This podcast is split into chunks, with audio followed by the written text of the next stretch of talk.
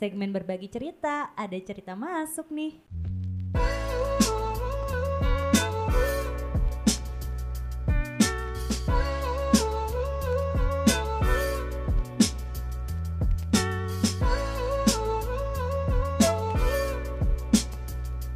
Hai, Assalamualaikum. Kembali lagi di podcast Positif Istri bersama Lulu dan Leni.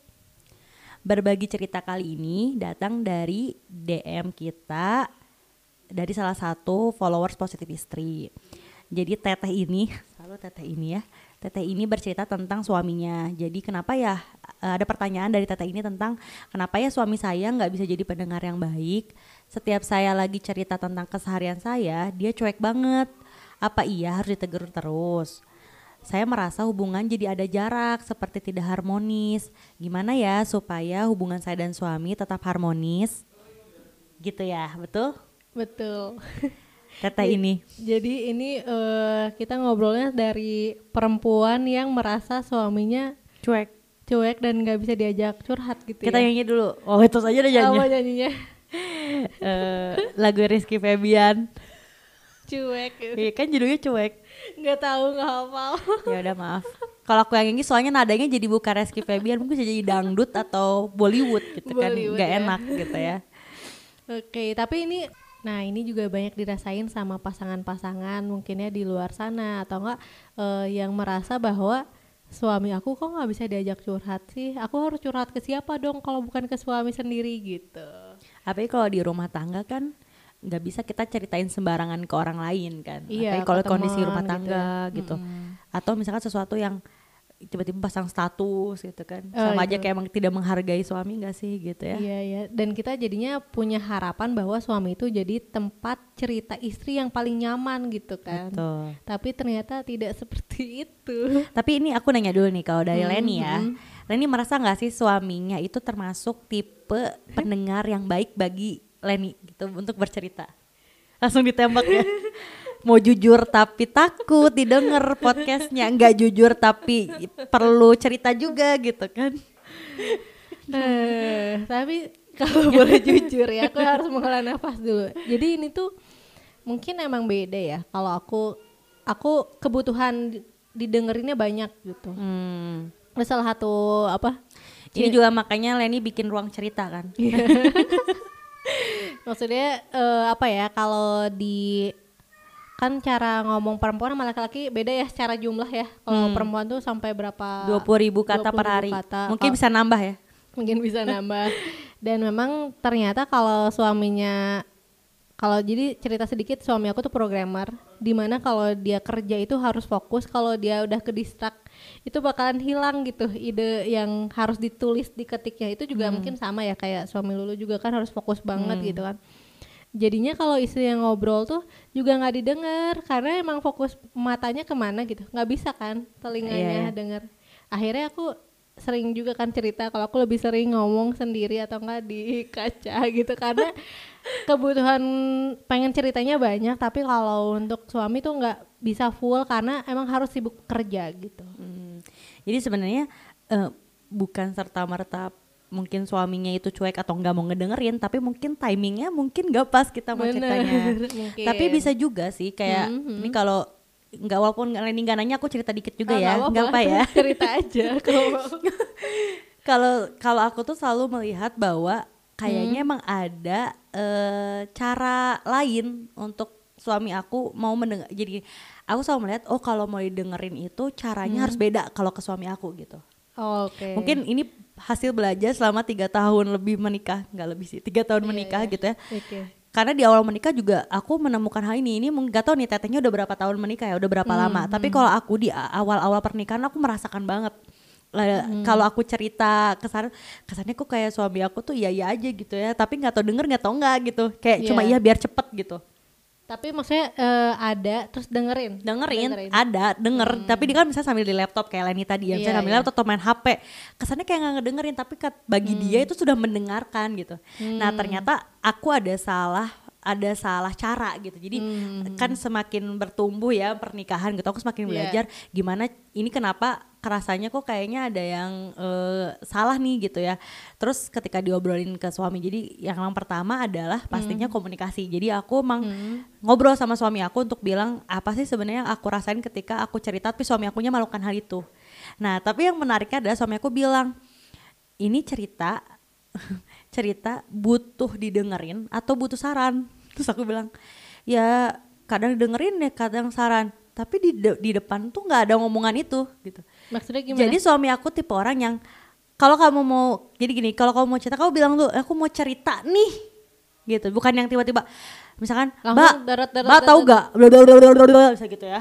Terus suami aku pasti bilang, "Ya, hmm gitu." Tapi kalau aku bilang, "Mbak, aku mau cerita nih." Ya, misalnya ada ya udah dengerin Nah, terus aja. pasti fokusnya langsung beda, langsung kayak Hmm. tentang apa? Nah, pasti dia nanya atau enggak butuh saran atau enggak nih? Cerita nah biasa bercandaan gitu. Nah dari situ mulai ngalir cerita yang lain. Jadi aku mulai menemukan oh suami aku itu tipe orang kalau cerita caranya mungkin gak seperti suami orang kalau misalkan blablabla langsung didengerin. Jadi kita harus ada depannya dulu gitu sounding. Nih gue mau cerita Iya, sama lu iya. gitu. Udah dijudulin dulu udah judulin gitu Nat. ya. karena suami aku emang tipe orang yang kayak sama mungkin cowok ya.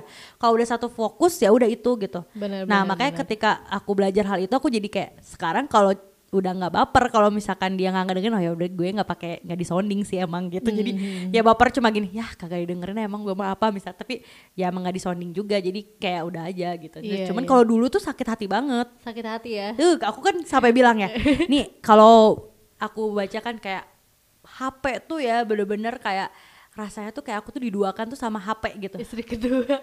Ibaratnya gitu kan dulu. Itu aku ngerasain banget tapi ternyata ya cara aku ternyata salah. Kalau aku cara, kalau ini timing misalkan kayak gitu. Jadi iya, iya. ya emang ada kesalahan-kesalahan komunikasi yang ternyata kita sebenarnya yang hmm. mungkin tidak sadar melakukan hal itu gitu. Benar-benar. Apalagi kalau eh, banyak juga cerita bahwa si suaminya tuh apa gamers. Mm-mm, ya. Jadi kalau pulang kerja itu kan pengennya stresnya hilang. Jadi pelampiasannya ke HP main game. Nah istrinya tuh pengen cerita, tapi kan karena suaminya kenapa udah seharian kerja, tapi juga pas pulang juga main HP, jadi kan makin kesel tuh ya. Nah itu tuh kayak perlu harus dicari caranya ya tadi ya kata Lulu harus cari kenapa sih suami kita Iya. bisa melakukan hal itu. Kenapa sih suami itu sering tidak mau mendengarkan istri? Nah itu. Kenapa Len? Pasti ada alasan-alasan di balik itu semua. Wahai bapak-bapak itu, itu semua. kayak sebuah rahasia yang besar ya harus kita ulik gitu gimana sih caranya Ini ya. berarti wajib didengerin sama istri-istri ya. Pengen Benar. tahu kan alasannya kenapa lo kagak didengerin sama suami lo gitu kan. Gimana tuh Iya, Len? iya, Alasannya oke. apa aja nih? Pasti ada dong alasannya. Betul. Jadi yang pertama yang paling umum ya, yang paling umum dilakukan sama suami itu bisa jadi karena suaminya sibuk mengerjakan atau sedang memikirkan sesuatu. Jadi punya pikiran sendiri atau punya dunianya yang memang lagi di- dikerjain gitu kan. Jadi ya susah juga untuk memisahkan kan dari fokus ya gitu. Apalagi kalau tadi ya kayak kerjanya eh, suami kita gitu kan yang yang memang membutuhkan tingkat Fokusnya ketelitian, tinggi, iya, kefokusan yang benar. tinggi gitu sehingga memang agak susah kalau diajakin curhat tiba-tiba ya di waktu-waktu itu gitu Nggak kan. nyambil Nggak- gitu nggak ya. nyambil gitu Iya, ya. iya, iya. Oke, nah terus eh, alasan yang kedua yang paling banyak juga dilakukan sama perempuan itu adalah ketika ceritanya diulang-ulang gitu. Jadi ceritanya mungkin ya sehari-hari rutinitas memang, tapi suami jadinya udah apa keseringan dengar gitu. Jadinya ya udah udah tahu ceritanya kayak gitu. Atau enggak kita ngomongin tetangga kan yang paling gampang.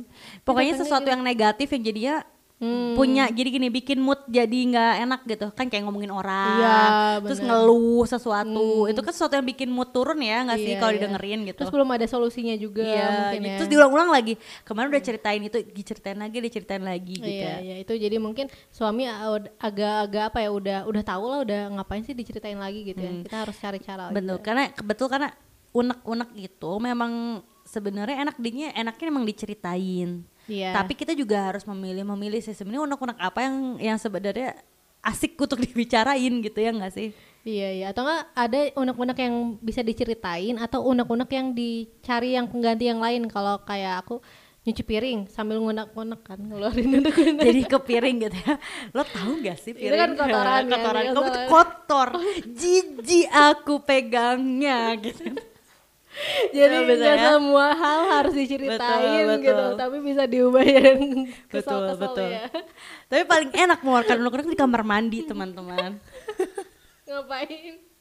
Wudu, wudu, ih, ih ibu ke mana wudu? Kalau kita lagi, kalau kita lagi punya unek-unek untuk biar bisa adem, wudu. Oh iya iya, Eh, tapi kan pikiran. enggak enggak, tapi kan udah sambil ngeluarin unek-unek gimana coba?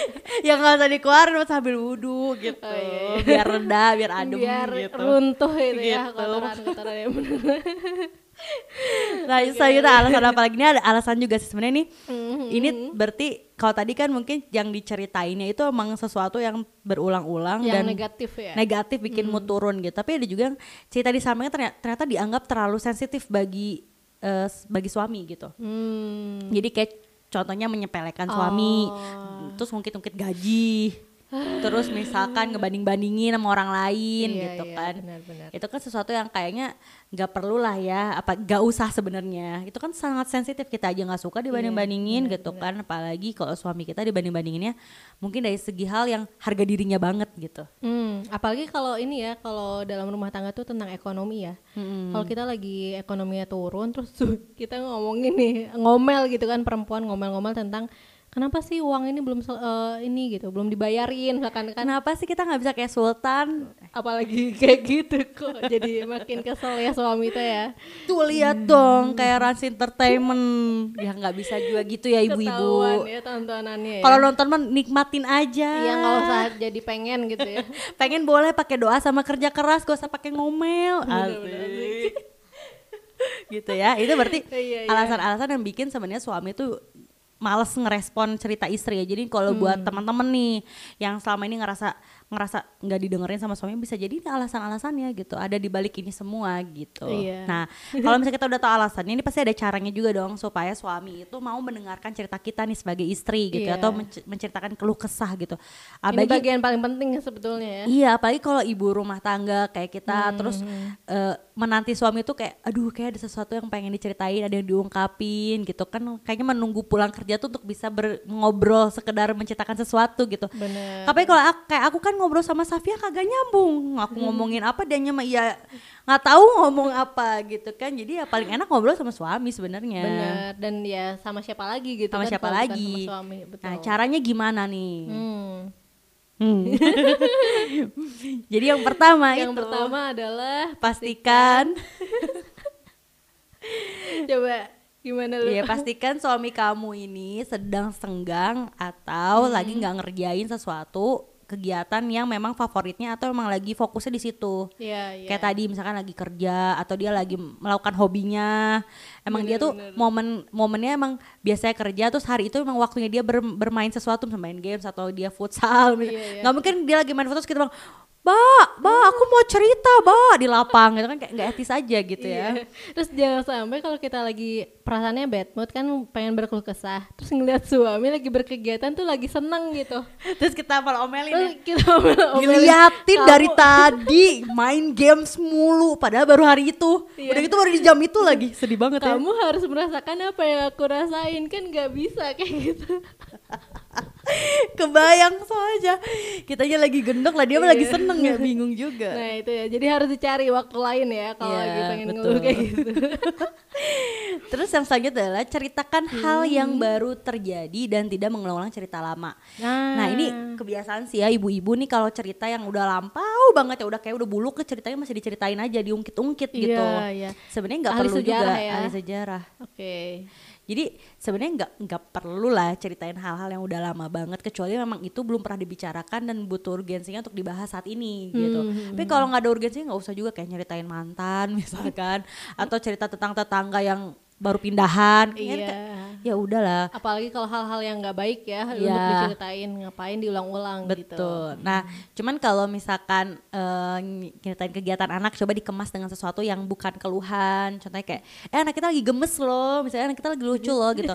kalau aku selalu bilangnya tahu gak, Safia tadi begini begini begini ke sana tuh kayak heboh banget. Padahal itu suatu pencapaian yang mungkin kemarin juga melakukan hal itu. Cuman aku selalu mengemasnya aja kayak Sesuatu kayak yang baru sesuatu gitu yang ya. baru. Jadi Hmm, Sofia aku selalu bilang wah eh, pinter banget nih Sofia jadi kan ada bahasan lah gitu ya. Bener, yang menarik, gitu Menarik. perhatian ya. Nah biasanya kalau dari hal itu membuka cerita-cerita lainnya gitu, itu bisa jadi manjang. Iya, jadi iya. kalau katanya nih ya supaya em, berkesan juga ya, jadi kita membuka topik pertama itu dengan hal yang baru. Iya. Baru kita bisa nyambungin ke cerita yang lainnya gitu. Itu biasanya kan menarik untuk didengarkan lebih dulu ya hal Iya, yang baru iya. dan hal yang mungkin belum pernah didengar sama suami. Nah baru Jadi terakhir. denger terus gitu ya. Betul. Ini kan juga katanya eh, kalau kita mau menceritakan sesuatu yang sensitif ke suami misalkan Iya. kayak bayaran misalkan ya bayaran anak, misalnya bayar listrik misalnya gitu. Jadi di awal itu bukan kayak "Ih, kita belum Langsung eh, gitu kita ya. belum bayar listrik nih, misal pulang-pulang kerja ditanyain itu kan gendok ya. Benar, kita coba obrolin yang lain dulu yang lebih menarik baru di belakang kita bilang, "Eh, tahu nggak kayaknya ada yang lupa nih belum bayar ini." Misalkan kayak Oh, gini. Iya, jadi emang di awalnya dengan sesuatu yang dulu yang apa ya? yang, menarik, yang menarik baru dulu. gitu ya. Kayak biar supaya suami tuh ngerasa cerita baru nih gitu kan. Terus yang selanjutnya apa nih Len? Nih ceritanya jangan sampai berbelit-belit sampai kita tuh susah gitu untuk eh, nangkep gitu. Karena kan kalau suami tuh bahasannya biasanya logis ya lebih To the ke- point. to the point. Jadi kalau kita ke mana dulu ceritanya padahal yang mau diceritain tuh belum sampai ke cerita intinya tapi udah pengen di stop gitu. Kan kita kadang lebih gondok ya. Iya jadi harus ceritanya langsung aja kalau bisa tuh kayak lulu tadi langsung dikasih judul aja gitu Ya, it- itu karena aku juga gitu. belajar suami aku juga karena dulu aku kan termasuk orang yang senang bercerita. Iya, mungkin jadi panjang-panjang panjang juga. banget. Jadi kalau aku ngomong kelihatannya jadi podcastnya berjam-jam Iya. ya. Nah, aku emang seneng banget ngobrolin sesuatu bisa nyambung dari satu hal satu hal satu hal gitu. Nah ternyata kalau suami aku tuh Hmm. nggak nggak nangkep maksudnya hal yang mau diceritain apa. Kadang di ujung Bener, cuma iya. nanya. Jadi intinya itu gini atau gini. Idih dia tadi udah cerita ternyata nggak nangkep intinya gitu kan karena ya itu karena berbelit-belit terlalu panjang Hmm. gitu udah kayak novel jadi mendingan nah kalau sekarang aku selalu dikasih judul bahkan judul ceritanya aku sampein ini Iya, aku iya. mau cerita tentang ini nih misalnya ngomongin ya kayak eh tahu nggak ada yang baru misalnya bla bla bla itu di diceritain diceritain di di awal, awal, jadi ya, suami aku bilang oh iya emang up nah dia itu mulai cerita mau panjang Hmm. apa pun suami aku udah nangkep mau cerita tentang itu gitu. Oh, oke oke Ini hasil aku ini ya, ini ya, Eh, apa, mengamati latihan, ya, latihan. mengamati bagaimana supaya didengarkan oleh suami gitu. bener-bener terus juga ini eh, cara lain ya lu ya adalah dengan cara kalau seandainya topik pembicaranya sulit atau enggak tadi kan kita ngomongin misalkan eh, apa keuangan atau sesuatu yang mungkin sensitif. Nah cobalah berkata jujur tanpa terkesan menyalahkan suami. Jadi emang karena suami itu lebih cepet ya kalau seandainya harga dirinya di eh, ini gitu kan ngerasa nggak berdaya akhirnya ya kita bakal lebih susah lagi ngomongin gitu. Jadi fokus aja sama hal yang positif. Mungkin juga pencapaian suami kita udah ngelakuin apa kita apresiasi dulu gitu. Jadi ya akan lebih enak gitu ngobrolnya Betul, jadi itu juga menghindari rasa kesal di suami gitu. Ih, ngapain ujungnya aja udah eh depannya aja udah nggak enak gitu, apalagi Oh, belakangnya misalnya iya, gitu ya. iya. Jadi diharapkan yang yang positifnya dulu yang diobrolin. Nih selanjutnya nih lain ya. Ini juga bisa loh dilakukan dengan cara biasakan diri mendengarkan keluh kesah suami. Jadi jangan cuma pengen dengerin doang, tapi kita juga harus bisa menjadi pendengar yang baik. iya Karena kan pasangan ya. itu bukan cuma kita doang yang jadi cerita, tapi kan suami juga butuh tempat cerita. bener dan suami juga punya keluh kesah ya Kan agak gemes kalau suami cerita di Facebook atau di status WA gitu. enggak sama perempuan Iya, Wah, eh iya. jangan sampai ya, sampai. hati-hati ibu-ibu semua, kencengin, nah, gitu kan ya. Ya kan karena karena Hmm. memang mungkin bisa jadi kita kurang jadi pendengar yang baik gitu. Karena sebenarnya suami juga mungkin pengen ada yang diceritain mungkin dari kerjaannya, mungkin walaupun kita nggak ngerti, yahin aja gitu. Benar, Dan, benar, Cok, kalau kamu diceritain tentang pro- programmer pro- apa kayak ada kode-kode Iya, gitu iya. nggak ngerti juga kan? Apa karena aku aja beda juga kan aku aja diceritain misalkan eh mau mau bikin website bla aku sebenarnya nggak ngerti cuman kayak Cuman wah wah didengerin wah wah wah ya. cuma wah wah wah weh gitu ya biar biar ke sana tuh kayak ngerti gitu ya karena memang ya yang penting kan kita ada untuk mendengarkan gitu Iya. kan jadi sama-sama mendengarkan kalau kesah. dan ini juga jadi bahan apa ya tumbuh eh, pasangan ya karena betul. Kalau jadi kita jadi mengenal ya mengenal juga. Ya nah ini juga salah satu tips yang berikutnya adalah usahakan saling mengenal satu sama Hmm. lain. Karena kalau kita misalkan ya mengenal satu sama lain itu maksudnya kebutuhan suami juga harus didengerin. Kalau seandainya misalkan apa rasa cintanya itu di mana gitu kan apa sih namanya bahasa cinta Bahasa cinta. Love language, Iya, guys. love language dan kalau seandainya tahu tadi ya posisi atau apa jam-jam timing timing yang tepat kita ngasih bahasa cinta dulu terus baru ngobrolin hal yang kita mau ungkapin tuh akan lebih gampang gitu ya Betul. Dan ini emang eh, mungkin nggak nggak instan. Kita perlu program program lagi progres yang panjang gitu. Jadi jangan menyerah gitu. Kalau untuk saling mengenal itu emang seumur hidup pasti ada aja yang baru, ada aja yang mungkin kita baru tahu gitu. Jadi jangan menyerah untuk hal itu ya. Iya, terus kalau seandainya suaminya sibuk banget, mungkin juga kalau di dalam pasangan suami istri tuh ada waktu namanya pillow talk ya. Hmm. Atau setelah berhubungan suami istri itu katanya gelombangnya tuh lagi nyaman. Untuk Nah, bisa ngungkapin hal-hal gitu ya. Iya, yang lebih sensitif atau enggak ngobrolin tentang masa depan mungkin ya lebih ya lebih enak aja gitu kalau ngobrolin sesam pas lagi di zonanya lagi nyaman banget gitu. Mm-mm. Jadi cari zona-zona yang memang lagi nyaman banget. Karena memang eh, menjalin komunikasi yang baik itu Hmm. itu bisa em, meringankan beban kita gitu kan dan juga sebenarnya agar hubungan kita itu bisa berjalan harmonis. Oh iya, karena emang bener ya komunikasi itu kadang perempuan apalagi curhat aja udah ngelepasin beban banyak nggak sih? Iya, kayak kesannya tuh kayak ringan banget hidup ini gitu kan ya. Pada jadi sebenarnya emang Iya. komunik- komunikasi itu sebenarnya eh, memberikan perhatian atau sekedar mendengarkan itu adalah tanda bahwa komunikasi dalam pernikahan itu berjalan dengan baik, Len gitu. Bahkan bisa menguatkan ikatan emo- emosional kita gitu sebagai pasangan. Oh gitu. iya. Jadi iya, mungkin yang saat teteh ini mungkin boleh coba nih dengan cara kita mungkin tahu dulu love language-nya, mungkin kita juga memper- memperbaiki cara berkomunikasi dengan pasangan, cari timing yang tepat gitu. Supaya apa ya? Supaya kita juga menguatkan ikatan emosional. Mungkin saat ini kita masih saling mengenal aja kayak kok dia cuek banget ya, mungkin bukan cuek tapi mungkin ada yang salah dengan caranya kayak aku.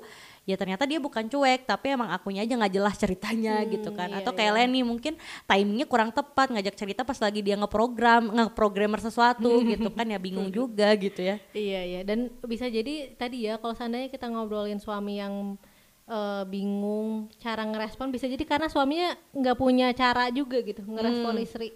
Kadang ya emang banyak suami-suami yang nggak ngerti caranya nanggepin curhat. Kalau suaminya dulu mungkin udah ngerti cara nanggepin curhat karena sering dengerin orang curhat Iya, juga ya. benar. Tapi ada orang yang bener-bener cuek sehingga dia kalau ada yang istrinya cerita tuh bingung gitu kayak oke apalagi gitu. Kayak mungkin dia Nggak pendiam punya- ya, bisa dibilang kayak pendiamnya banget sampai nggak ada kata-kata yang mau keluar dari mulutnya gitu. Iya, mungkin jadinya perlu Eh, dikasih tapi kamus bisa aja actionnya lebih kenceng gitu kan dibanding ngomong ya. Bisa jadi kan ada orang yang kayak gitu. tiba-tiba datang hadiah gitu. Iya, misalkan hadiah atau dia ternyata membuat aksi-aksi yang lebih konkret gitu kan Oke. dibanding hanya omongan Iya, gitu. iya. Jadi harus dipahami juga ya bahwa Betul. tipe suami mungkin beda-beda juga.